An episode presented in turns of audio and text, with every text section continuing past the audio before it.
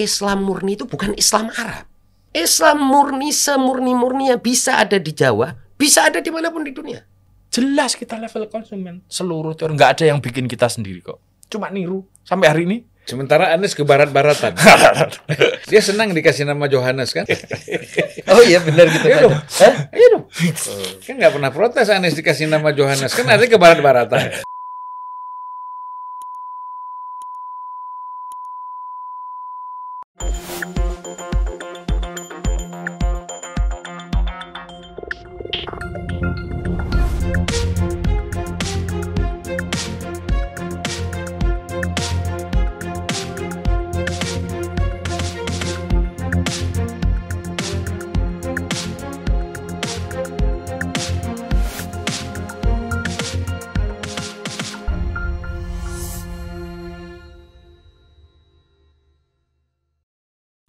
Assalamualaikum warahmatullahi wabarakatuh. Waalaikumsalam. Salam sejahtera buat kita semua.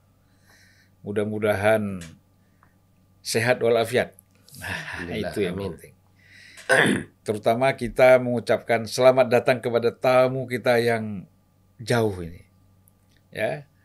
Mas Irfan Afifi. Iya. Irfan. datang dari Jogja tadi malam khusus mengunjungi Unpacking Indonesia. ya, untuk kita ber- berdiskusi, berdialog sekitar persoalan Islam, Jawa, dan Indonesia, Nusantara. Ya. Selamat datang, Mas Irfan. Selamat datang Bang Zulfan. Nah, terima kasih atas kehadirannya. Ya, jauh-jauh mau datang ke sini. ya, sama-sama. Kemudian kawan kita ini, Kawan lama ini. ya kawan lama Musa Al Kazim. Siap. Ya. Musa Al Kazim sekarang sedang menyelesaikan studi juga. Ya. Dia ini sebenarnya dikenal sebagai ahli filsafat. Tapi S2-nya bukan filsafat, S3-nya bukan filsafat juga. Tetapi semua persoalan dibungkus dengan filsafat. Itu yang paling penting. Ya. Ya kan? Jadi selamat datang juga untuk Ma- eh, Mas Musa. Terima kasih. Ya, sudah yang kedua kali ke sini ya. Ya. Kedua kali ke sini. Mudah-mudahan nggak bosan ya. Nggak, kalau kalau mau setiap hari nggak apa-apa. nah, sama kita ini ngomong-ngobrol santai aja, Mas. Ya. Terutama saya lihat kalau Mas eh, Irfan ini kan karena orangnya kan terlalu serius. Enggak. kok Kelihatannya sebenarnya. serius sekali. Ya. Sebenarnya enggak kok. Sebenarnya pura-pura serius saja. Iya, pura-pura serius saja. Mas Irfan ini dikenal sebagai orang yang banyak menulis buku ya tentang Islam dan Jawa. Nah, saya ingin memperlihatkan buku-bukunya ini. Ya.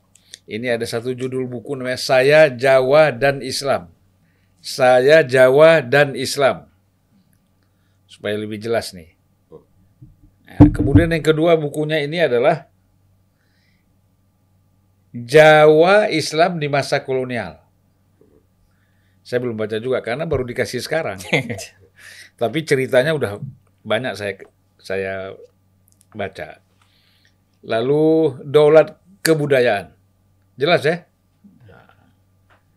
Mesti jelas nih, jangan sampai salah-salah. Penulisnya Irfan Afifi. Ya. Kemudian suluk kebudayaan Indonesia. Hmm. Nah, ini perlu diperjelaskan lagi nih. Suluk ini kan istilah dalam dunia sufi nih. Ya kan? Nah, nanti akan dijelaskan juga oleh Mas Irfan. nih, Kenapa pakai istilah suluk dalam kebudayaan Indonesia? Berarti itu isi bukunya berat banget.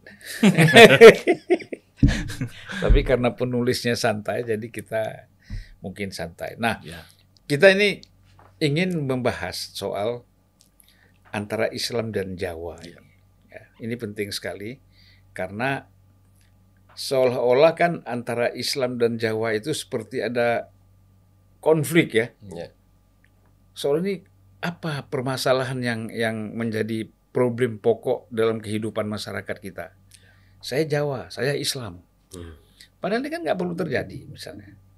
Ya. Nah, oleh karena itu menarik sekali untuk kita mengetahui dan masyarakat mengetahui ya kalau kita kan berarti termasuk kita semua padahal dua orang ini sudah mengetahui.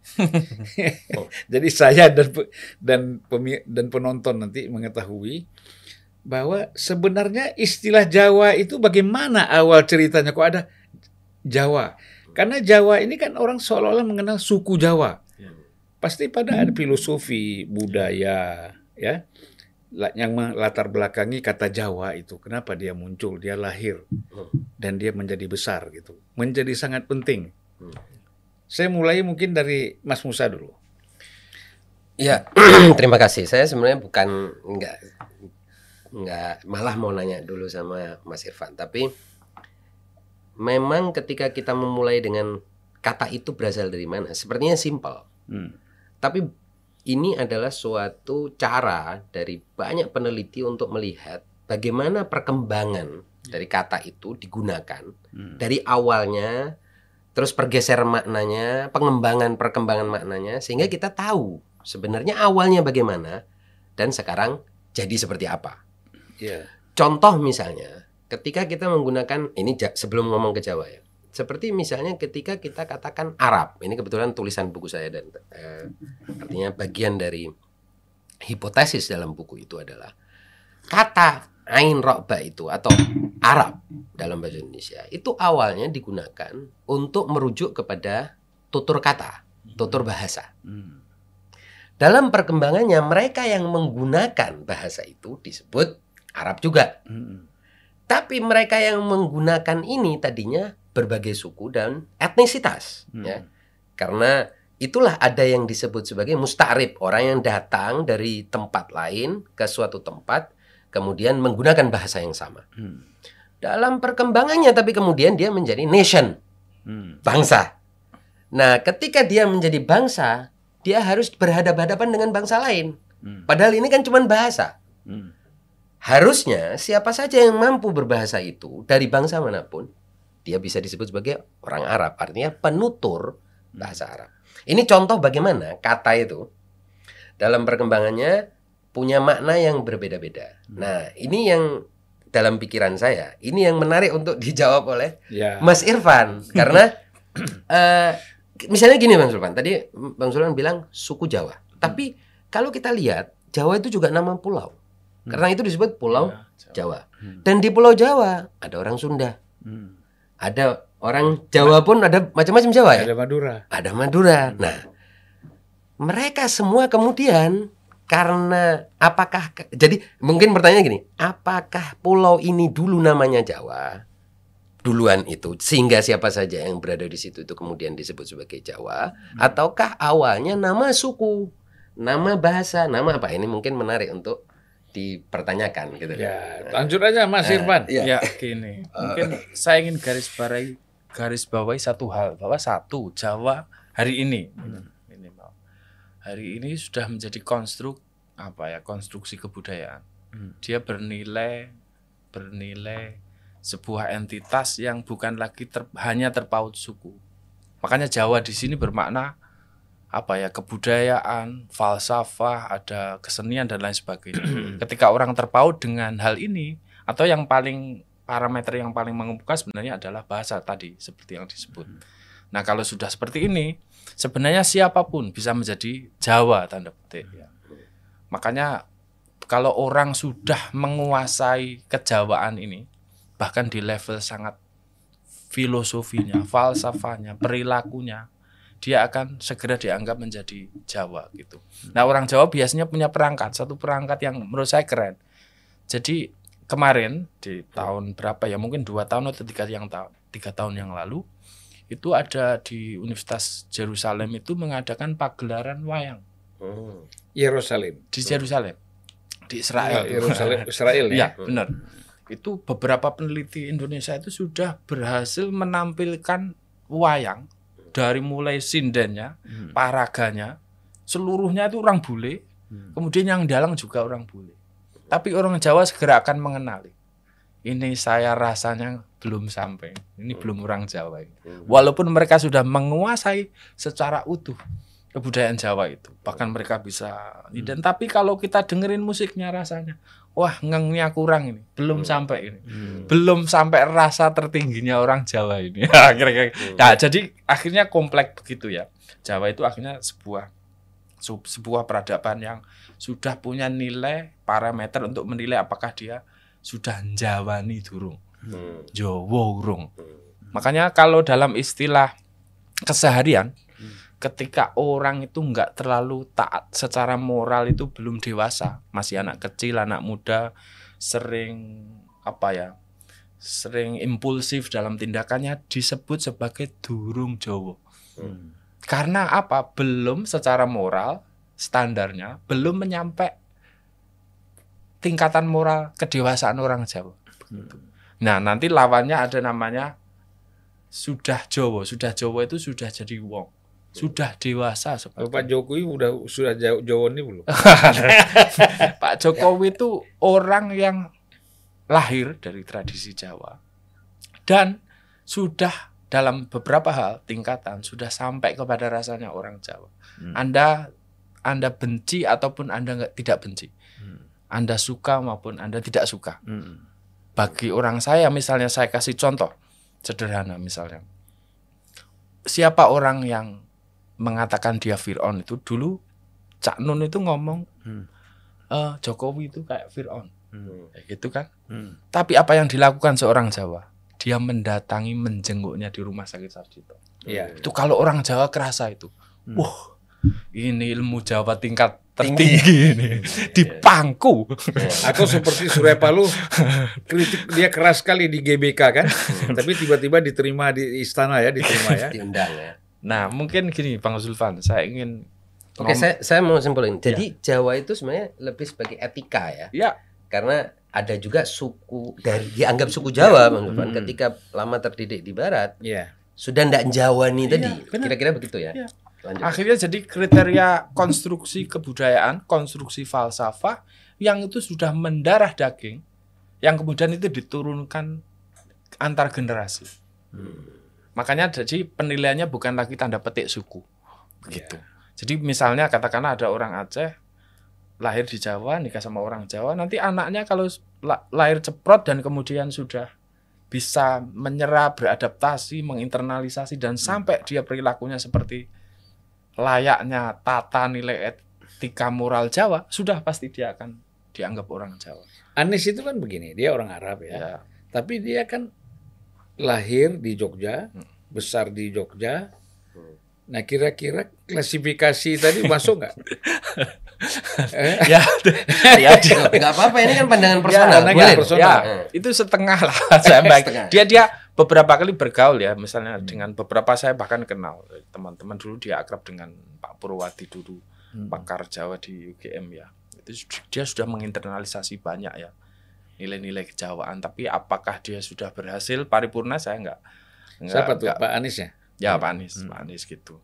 Nah, saya ingin tekankan mungkin berkait dengan buku saya agar perbincangan ini agak agak berarah begitu. Hmm. Nah, konstruksi nilai-nilai kejawaan ini yang sudah diwarisi yang kita hari ini warisi sebagai Jawa Hmm. dulu sebenarnya di fase-fase awalnya itu apa ya disumbang oleh struktur falsafah pandangan dunia Islam yang menubuh di dalam masyarakat Jawa Hmm. sampai nanti kolonialisme hadir dan kemudian mengubur-abur itu semua begitu ceritanya. Jadi dulu para wali itu menyebarkan Islam itu memeras kearifan nilai Islam itu ya dengan pendekatan arifnya, ke pendekatan makrifatnya kemudian diperas dan Ini kemudian wali ini wali Songo ya? ya wali Songo wali tanah Jawi kan kemudian itu kemudian ditubuhkan di dalam bangun kebudayaan masyarakat Jawa Hmm. secara sublim gitu sehingga orang nggak kerasa karena Hmm. perasaannya itu bukan lagi syariat Hmm. tapi perasaannya itu sudah kearifan Hmm. syariat tarikat hakikat makrifat Hmm. ini sudah perasan puncak Islamnya itu diperas Hmm. Hmm. nah makanya itu sebenarnya terjadi di seluruh wilayah Indonesia Nusantara makanya agama itu kadang sudah menjadi nilai kesukuan tertentu misalnya orang Aceh kok nggak Islam itu kayak aneh orang Melayu kok nggak Muslim Ya. Orang Padang. orang Padang kok nggak wong Nah, orang Jawa dulu punya istilah gini. orang Jawa itu orang yang sudah selam.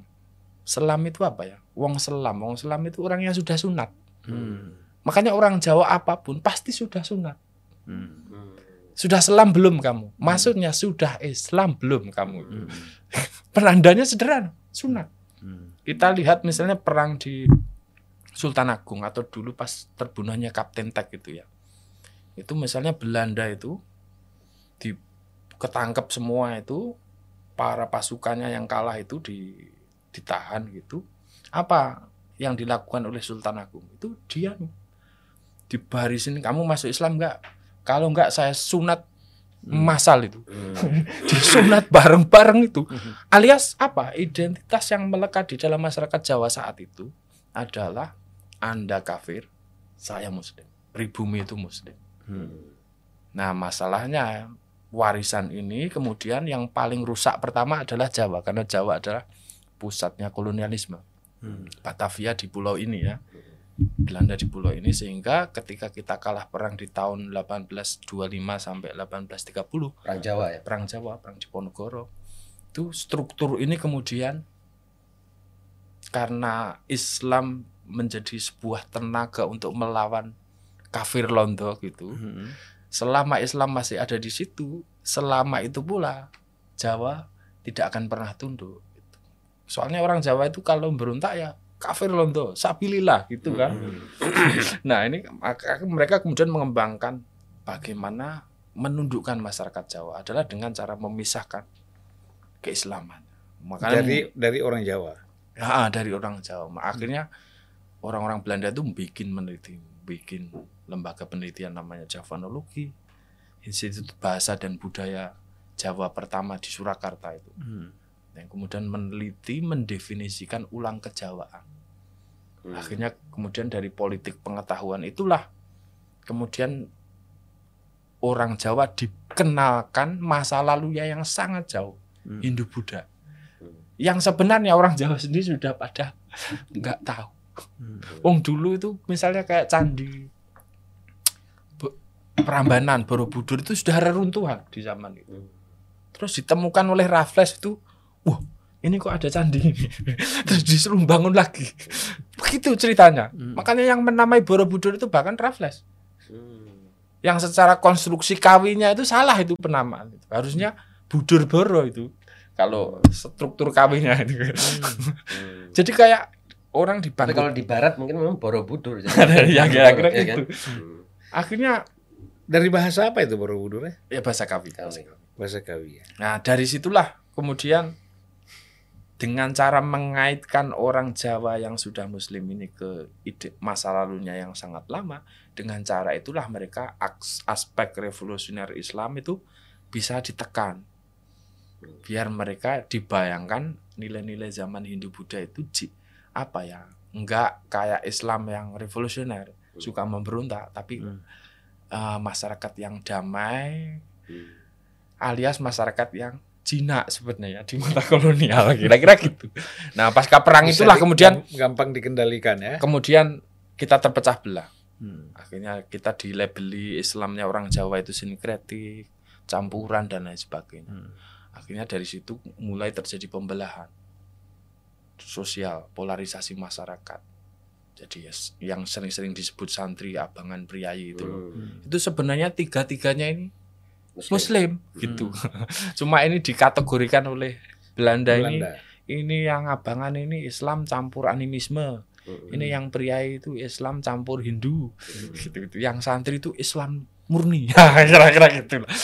Nah, itu datang belakangan dan itu fenomena baru. Nah, itulah yang kemudian Nah, saya dalam konteks penelitian saya itu sebenarnya pengen mengingatkan kembali bahwa dulu sebenarnya sebelum nasionalisme, demokrasi, dan ide-ide besar isme-isme yang lainnya, modernisme yang berkembang di sini, itu sebenarnya faktor yang menyatukan umat dulu itu adalah agama. Kalau masyarakat tradisional, Hmm. dia diikat oleh satu apa ya struktur falsafah keagamaan yang mengikat bahkan tidak hanya di Jawa tapi Nusantara secara umum makanya dulu pasca kolonialisme itu datang ke sini realitas kesultanan kesultanan di Nusantara ini seluruhnya secara relatif utuh sudah kesultanan Islam Nah ini tenaga ini Islam itu sel- selalu menjadi tenaga untuk memberontak terhadap kolonial. Nah ini harus dikacau ini. Ini harus dibentur-benturkan masyarakatnya. Di Aceh misalnya kita lihat gimana Snook misalnya membenturkan antara kelompok agamawan sama priayinya. Nah di Jawa gitu juga dibenturin biar biar mereka nggak bersatu agar penjajahan ini terus Iya. di, Langgeng. dipadang antara syariat kelompok Syariat dan dengan adat. adat, Nah, jadi supaya terus Gitu. tegang ke- muncul ketegangan ya. Iya. Kita kembali kepada pokok persoalan. Tadi juga pokok juga sih. Hmm. Maksud saya ini hal yang baru kita masuk ya dengan tema yang lain. Jadi yang pertama sekali sebenarnya yang membawa Islam ke Jawa ini siapa? Ya dari catatan ya, yang dari awal dulu ada Muad bin Jabal katanya sudah di di titik nol itu ada kan. Hmm. Cuma Islam yang membawa itu sukses, berhasil dan diikuti menjadi sebuah tatanan kelembagaan negara itu baru di masa Demak. Hmm. Dan itu kalau dalam kasusnya Jawa di masa Demak dan itu dimulai dari para wali tanah Jawi di sini. Hmm. Wala Tan- Wali Songo yang sering dikenal sebagai Wali Songo. Nah inilah pembawa Islam yang bisa mengubah secara utuh, Hmm. secara cepat masyarakat Jawa itu berubah menjadi Islam. Dan Islamnya itu kemudian apa ya stabil eh, menjadi kesatuan dengan kejawaan itu hingga perjanjian Giyanti. Di perjanjian Giyantilah itu Islam sudah menubuh secara total dengan bangun kebudayaan Jawa. Bahkan Profesor MRC Riglef itu ngomong bahwa setelah perjanjian Giyanti, orang Jawa itu tidak lagi bisa membayangkan dirinya keluar dari bingkai Islamnya. Hmm. Bahwa kalau masyarakat kadang ada yang taat sembahyang, enggak taat sembahyang tuh di mana-mana adalah ya. Tapi sebagai sebuah konstruksi identitas, akhirnya Jawa itu identik tanda petik adalah wong selam, wong yang sudah sunat, orang yang sudah Islam begitu. Nah, konstruksi ini kemudian nanti di berubah seiring kolonialisme hadir. Itu tanpa sahadat ya? Ya sahadat, sahadat, Sahadat, ya. Sahadat terus digunting tuh. Ya. Barang itu kan. Mas Irfan ini saya ingin tanya ya. Iya.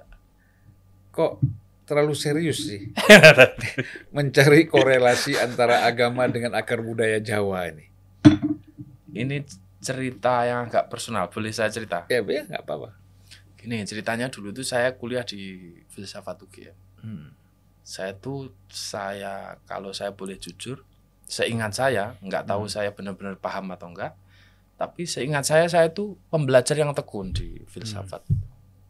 Saya mati-matian belajar tiap hari dengan buku-buku babon filsafat barat itu, Mas Musa. Wah, tiap hari. Yang lainnya main, saya belajar gitu. Tapi saya merasa di ujung akhir perkuliahan, saya merasa terasing. Ini saya belajar banyak sekali filsafat barat, tapi saya nggak pernah mengerti filsafat falsafah bangsa saya sendiri, falsafah apa ya Jawa sendiri saya nggak pernah tahu.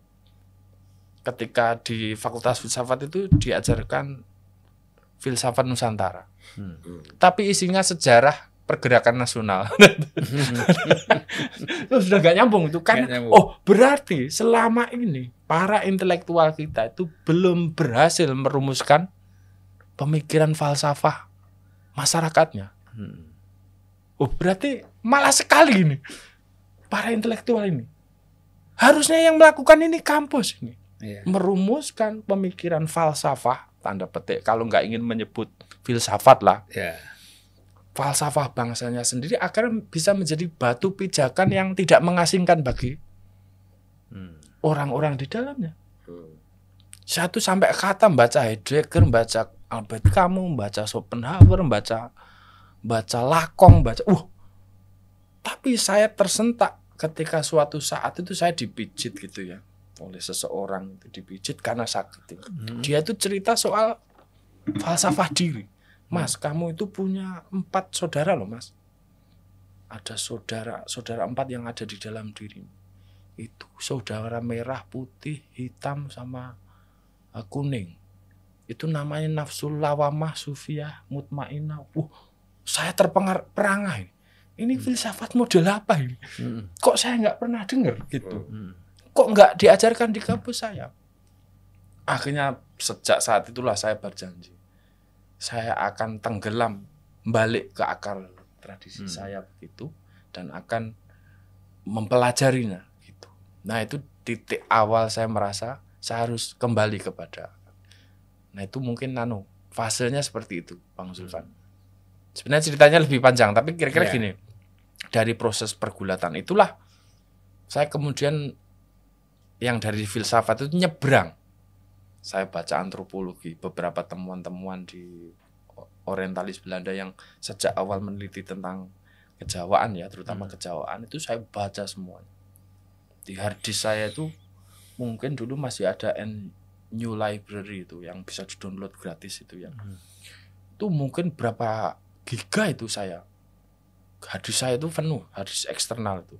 Saya cetak semua itu saya baca semua gitu. Hmm. Tapi setelah itu saya merasa, wah, ini nggak jujur ini.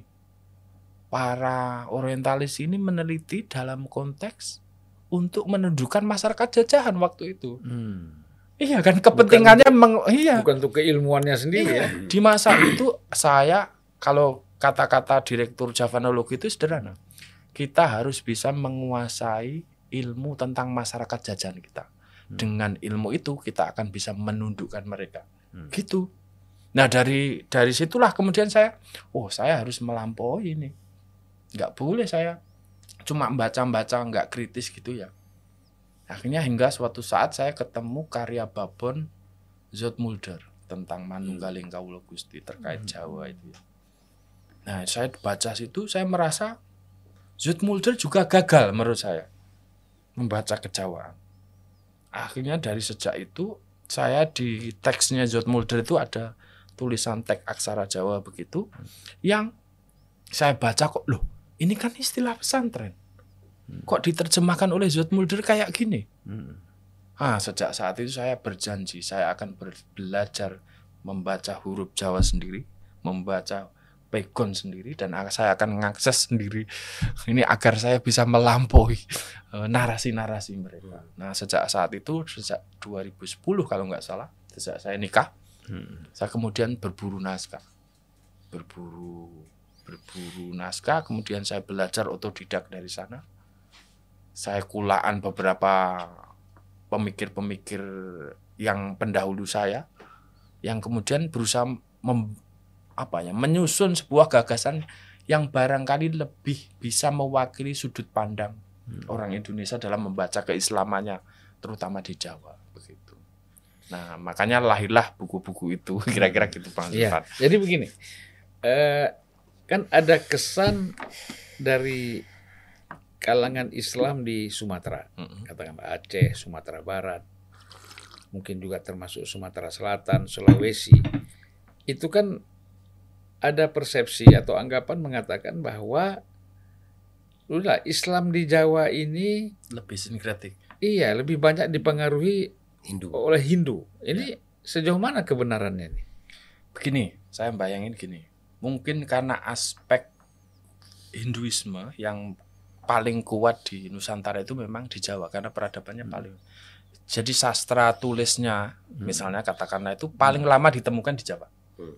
Sehingga Hinduisme sebagai ajaran estetika sebenarnya tepatnya ajaran estetika Hmm. yang di, terjadi di Hindu di Jawa ini itu lebih lama berakar. Sehingga untuk, untuk switch ke Islam itu kayak apa ya lebih susah daripada uh, suku lain begitu ya. Tapi saya ingin katakan bahwa sebenarnya ada banyak gagasan metafisika di Hindu Buddha yang itu klop dengan tasawuf. Hmm. Nah, sehingga corak berislamnya tanda petik lebih sufistik Hmm. gitu. Nah, belakangan karena perubahan masyarakat Indonesia yang sudah mulai apa ya? Islamnya lebih syariat tanda petik Hmm. sehingga seolah-olah beragamanya orang Jawa ini Iya. lebih sinkretik. Ah, kira-kira gitu. Nah. Karena dianggap lebih ke mistis ya. Ah, begitu. Nah, kira-kira gitu. Padahal Islam itu juga substansinya mistis. Ya, begitu. Nah, nek menurut saya bahkan para wali itu sudah bisa mengembangkan, menerjemahkan Islam bukan hanya di level syariatnya semata, tapi sudah bisa menerjemahkan Islam ini sampai kepada level hakikatnya Hmm. yang tertingginya. Yang kemudian olah perasaan hakikat itu kemudian menjadi kebudayaan gitu. Hmm. Makanya olah seni orang Jawa itu kan ngeri. Olah yang dulu wayang yang disusun oleh apa Sunan Kalijaga itu kayak ingin menyampaikan hakikat tertinggi kehidupan ini dari sudut Islam sufistik gitu. Hmm. Bahwa hidup ini hanya semata bayangan dari sifat dan afalnya Tuhan gitu. Kita itu hanya diminta melihat diri kita dalam lakon perjalanan wayang yang sebenarnya yang kita lihat adalah Diri kita. diri kita sendiri gitu. Hmm. Nah, kita diajari mengenali diri sendiri seturut yang diajarkan oleh Islam terkait Islam sufistik begitu Bang Zulfan. Jadi kalau kita kaitkan dengan eh, pengaruh Arab ya Hmm. terhadap Jawa ini, itu kaitannya dengan Islam seperti apa? Pengaruh Arab. Jadi para penyebar Islam itu memang rata-rata dikenali atau di- ditulis di dalam babat-babat Hmm. kan memang masih keturunan Nabi Muhammad ya. Hmm. yang menyebarkan di Jawa. Cuma sepertinya orang-orang Jawa itu terutama Sunan Kalijogo itu sudah kayak tadi menjawab pertanyaan Bang Zulfan tadi Hmm. Bahwa sebenarnya nggak boleh dong kalau memang Islam itu apa ya Islam itu ajarannya yang universal dia nggak boleh dong gusur yang partikular Hmm. justru dia harus menampung, mengajari yang kejawaan saya ini agar ketemu dengan konsep kebenaran universalnya. Jadi pertemuan antara kejawaan dengan Islam begitu. Hmm. Islam akhirnya ajaran Islam yang datang dari Arab itu kemudian bersatu padu berjalin secara serasi dengan kebudayaan yang terlahir di dalam masyarakat Jawa. Jadi relasinya kemudian dialektis. Saling memberi. Setara bahkan.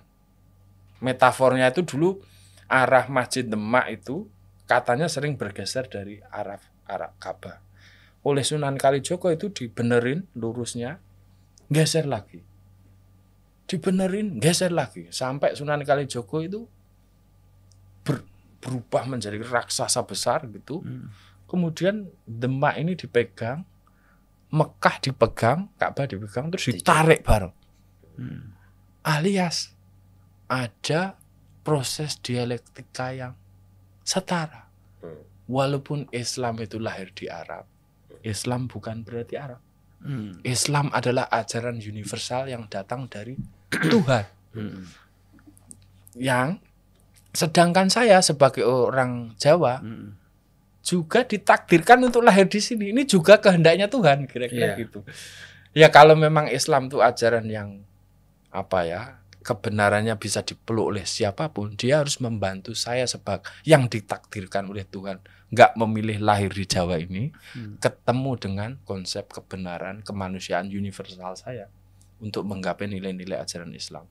Jadi akhirnya ini kayak tarik menarik, sana narik sini, sini narik sini, gitu.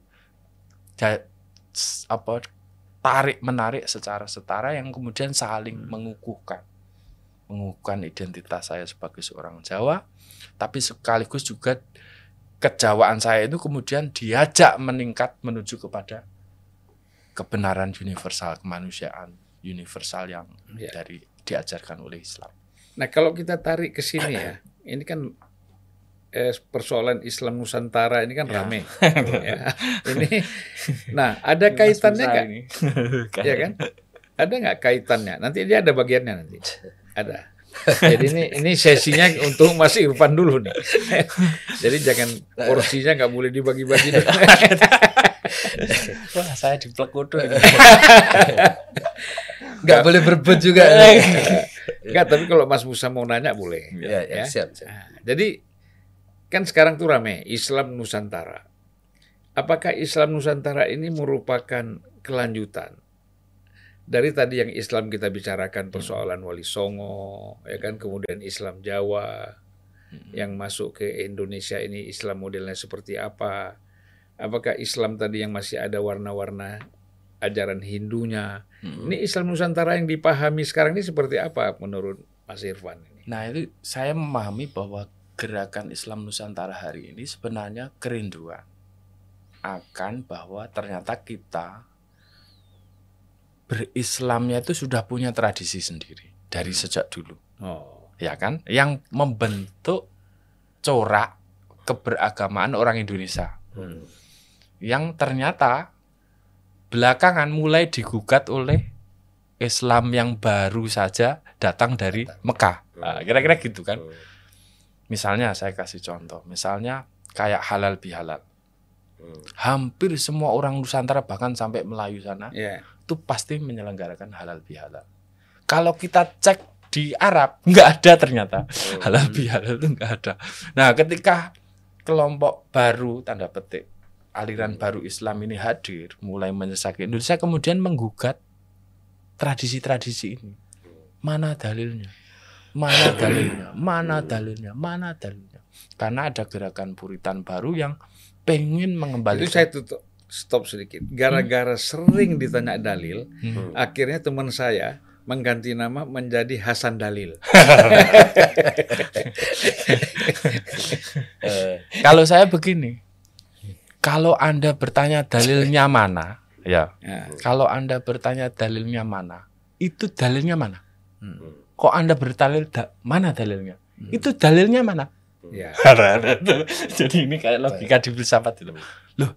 Akar budaya, etika ditanya dalil kan, mati kita. Nah dulu kalau kita ingat kan di madrasah sanawiyah itu namanya dalil itu kan banyak. Iya. Misalnya katanya Al-Quran ini ayat kauliyah kan. Hmm. Terus alam semesta, kehidupan, diri. Ini kan ayat kauniyah, Hmm. ayat nafsiyah. Hmm. Ini kan dalil kauliyah, ada dalil kauniyah kan. Hmm. Nah kok goblok sekali. Hmm. Kalau misalnya hidup ini dalil, heh, Hmm. kebenaran hidup ini dari Tuhan. Hmm. Kok kamu nggak pernah belajar? Hmm. Afalah yang turun. Afalah. ya Nggak gitu-gitu. dulu. Nah gitu-gitu. Nah apa ini nggak bagian dari Islam? Nah, seluruhnya pengen ditundukkan kepada tradisi teks. Iya. Padahal dulu beragama kita itu sudah lebih lanjut. Hmm.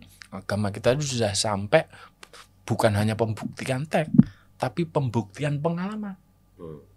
Makanya kalau dalam jenjang Islam itu kan ada apa keyakinan itu kan ada level-levelnya kan Ah, ainul yakin ilmul yakin hakul yakin Hmm. kalau sebar baru sebatas mendengar dari sumber teks Hmm. oh ini baru lihat nanti kalau sudah dialami lewat pengalaman oh ini ilmu yakin Hmm. kalau sudah sampai dikenalkan dari kenyataan itu sendiri dan itu mengukuhkan keyakinanmu itu disebut sebagai hakul yakin Hmm. makanya kok balik lagi ke sumber awal Hmm. teks ini kan kemunduran Iya. kemunduran karena hidup ini harus Dan bisa jadi juga yang kemunduran yang dimaksud tadi ya memang yang di- yang memang diciptakan lagi oleh orientalis tadi kan. ya begitu. Nah kira-kira tadi balik soal pertanyaan apa kaitan Islam Nusantara itu? Nah ini kerinduan kerinduan sudah mulai terbentuk. Oh ini kok kok semua semua semua digugat. Hmm. Tapi sebenarnya dalam konteks yang lebih mendasar, sebenarnya orang-orang Muslim hari ini juga sudah sangat melupakan apa yang dulu di apa ya diajarkan oleh para wali. Hmm. Bahkan mereka bisa menciptakan dulu kalau yang kita sebut sering kita sebut Hindu itu kalau dalam sejarah dulu penciptanya adalah para sunan wayang. Misalnya kita lihat, nah ini terkait kata suluk kebudayaan Indonesia ya. Hmm. Misalnya dulu para sunan itu tembang mocopat di Jawa yang dikenal sampai hari ini dari kebudayaan Jawa itu disebut sebagai kesustrasa kesustraan kesusastraan suluk. Hmm. Itu tentang tembang-tembang sufistik. Hmm. Kita hanya punya genre itu, makanya nanti genrenya dari nama tembang-tembangnya itu Hmm. Coba. Mocopat itu Hmm. misalnya Mas Kumambang dia masih di dalam kandungan. Micil keluar lahir. Sinom ini anak muda gitu. Hmm. Sinom nanti Sinom ini anak muda itu harus disertai perkembangannya. Kinanti nanti mulai jatuh cinta dan ah, Asmorodono. Hmm. terus gambuh nikah. Kalau sudah gambuh merasakan turun naiknya kehidupan pasang kehidupan dalam mencari rezeki eh, mas apa mas kumambang gitu. Mas kumambang dandang gulo pahit getir kehidupan. Terus mulai masuk durmo mendermakan kehidupannya untuk masyarakat.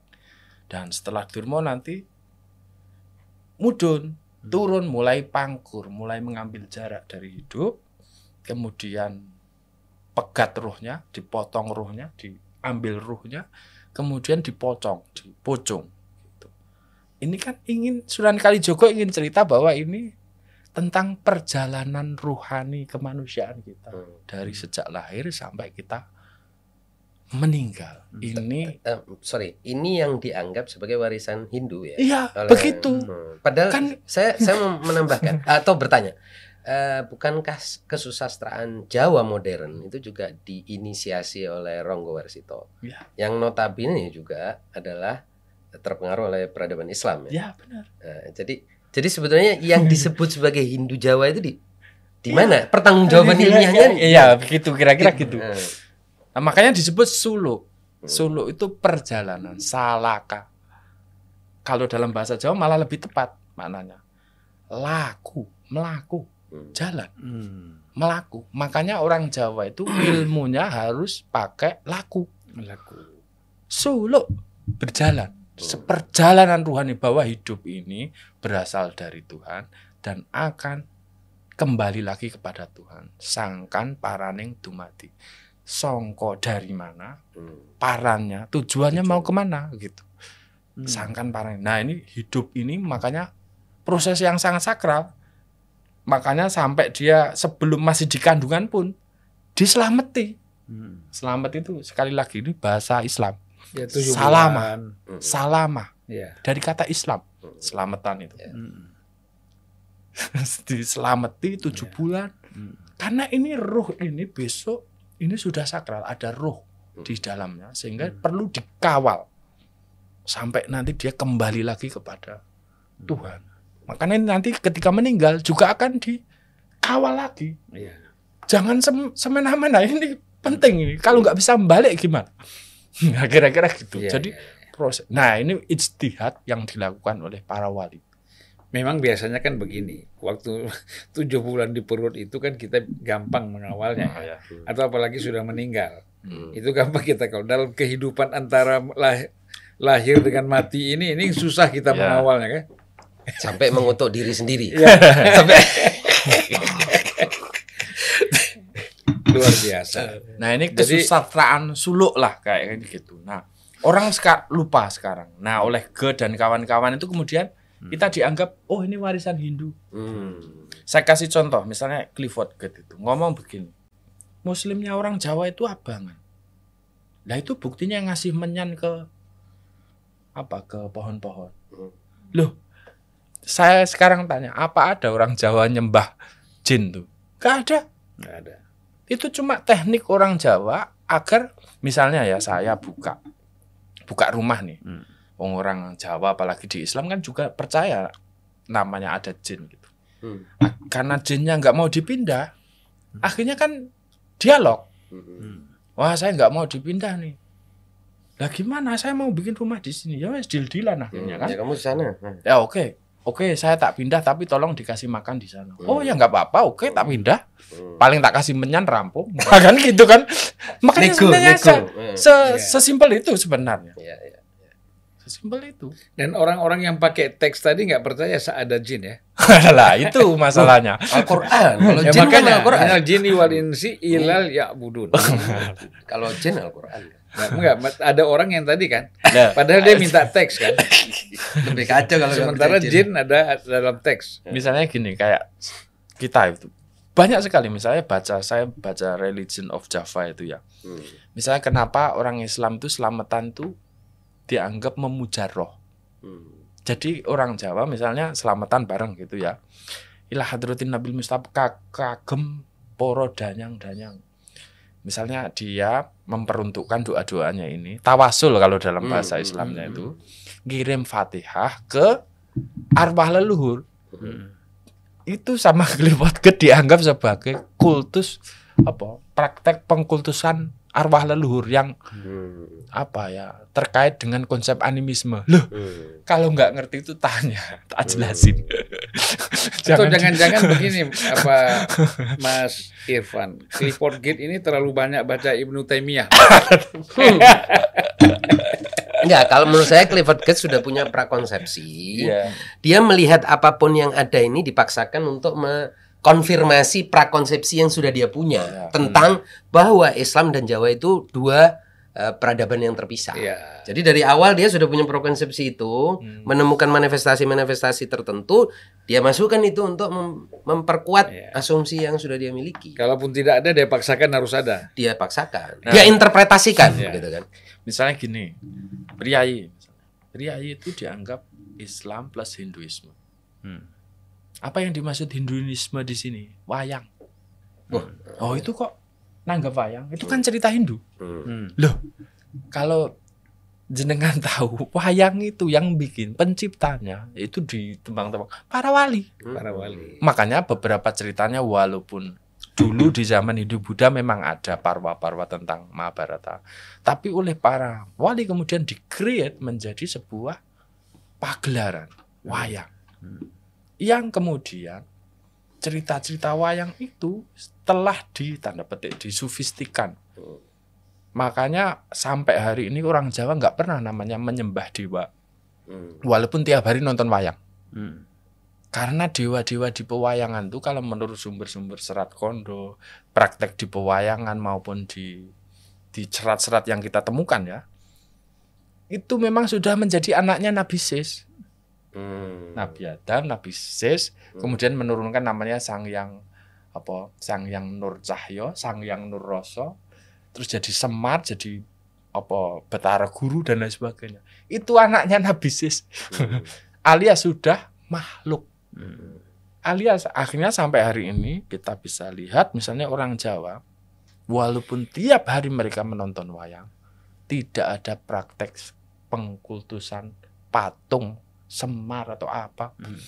Batara Guru Brahma nggak ada Li- lihat saja di India itu tiap tokoh itu disembah kan ada Anoman kalau di sini nggak ada Nggak ada. nyaris nggak ada dan tahu Tapi itu sekedar sekedar seni aja ya. Iya, seni. Kalau ada patung-patung itu seni bukan disembah. Ya, nggak ada orang Estetika. Jawa menyembah sebagai bentuk estetika itu kan. gitu. Jadi ah, revolusi inilah yang kemudian dianggap ini kok orang Islam di sini kok malah nonton wayang gitu lah. Nah, akhirnya jadi itu kerancuan-kerancuan yang di di mata kepala peneliti Barat itu kemudian bingung. Ya bahkan kan kementerian-kementerian kita di sini sering sekali mau melakukan apa acara-acara malam wayang itu ya, Ya.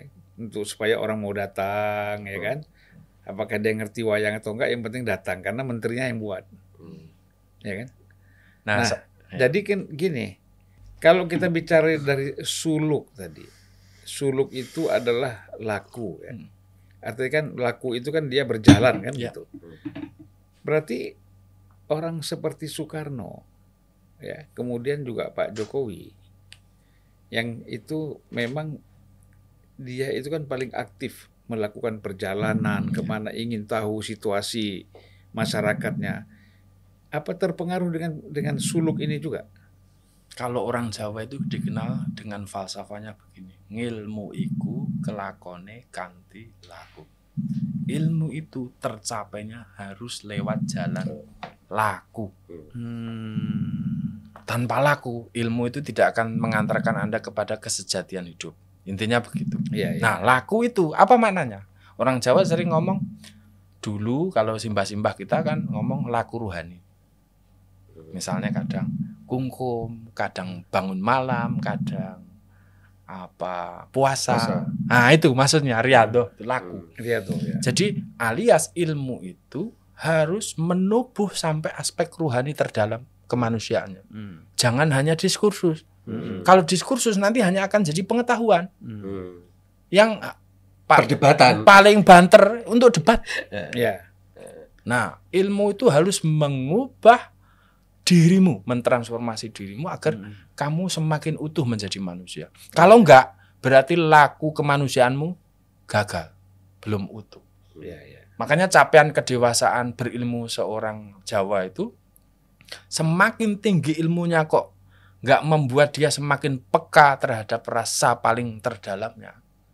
Berarti dia gagal anu menjalankan ilmunya. Nah, di falsafah kepemimpinan hampir sampai hari ini saya bisa sebutkan seluruh presiden kita sampai hari ini itu falsafah kepemimpinannya tidak menggunakan falsafah barat. Hmm. Kita bisa cek dari mulai Soekarno, Soeharto. Gus Dur, SBY, Jokowi. Megawati. Mereka tertanam. Oh, disebut Megawati. Megawati. itu falsafah mereka didapat dari wayang, Hmm. dapat dari tradisi yang beredar di masyarakat. Hmm. Kalau secara metodologis pemenangan pemilu misalnya, oke pakai cara barat, nggak apa-apa. Pakai survei, pakai apa, tapi di jantung falsafah kekuasaannya berkuasa, dia pakai falsafah yang ada di dalam tradisinya. Nah menurut saya ini tradisi bagus, cuma masalahnya ilmu politik kita di kampus Sudah nggak sampai Hmm. ke Atau sudah ilmu sangat- ini.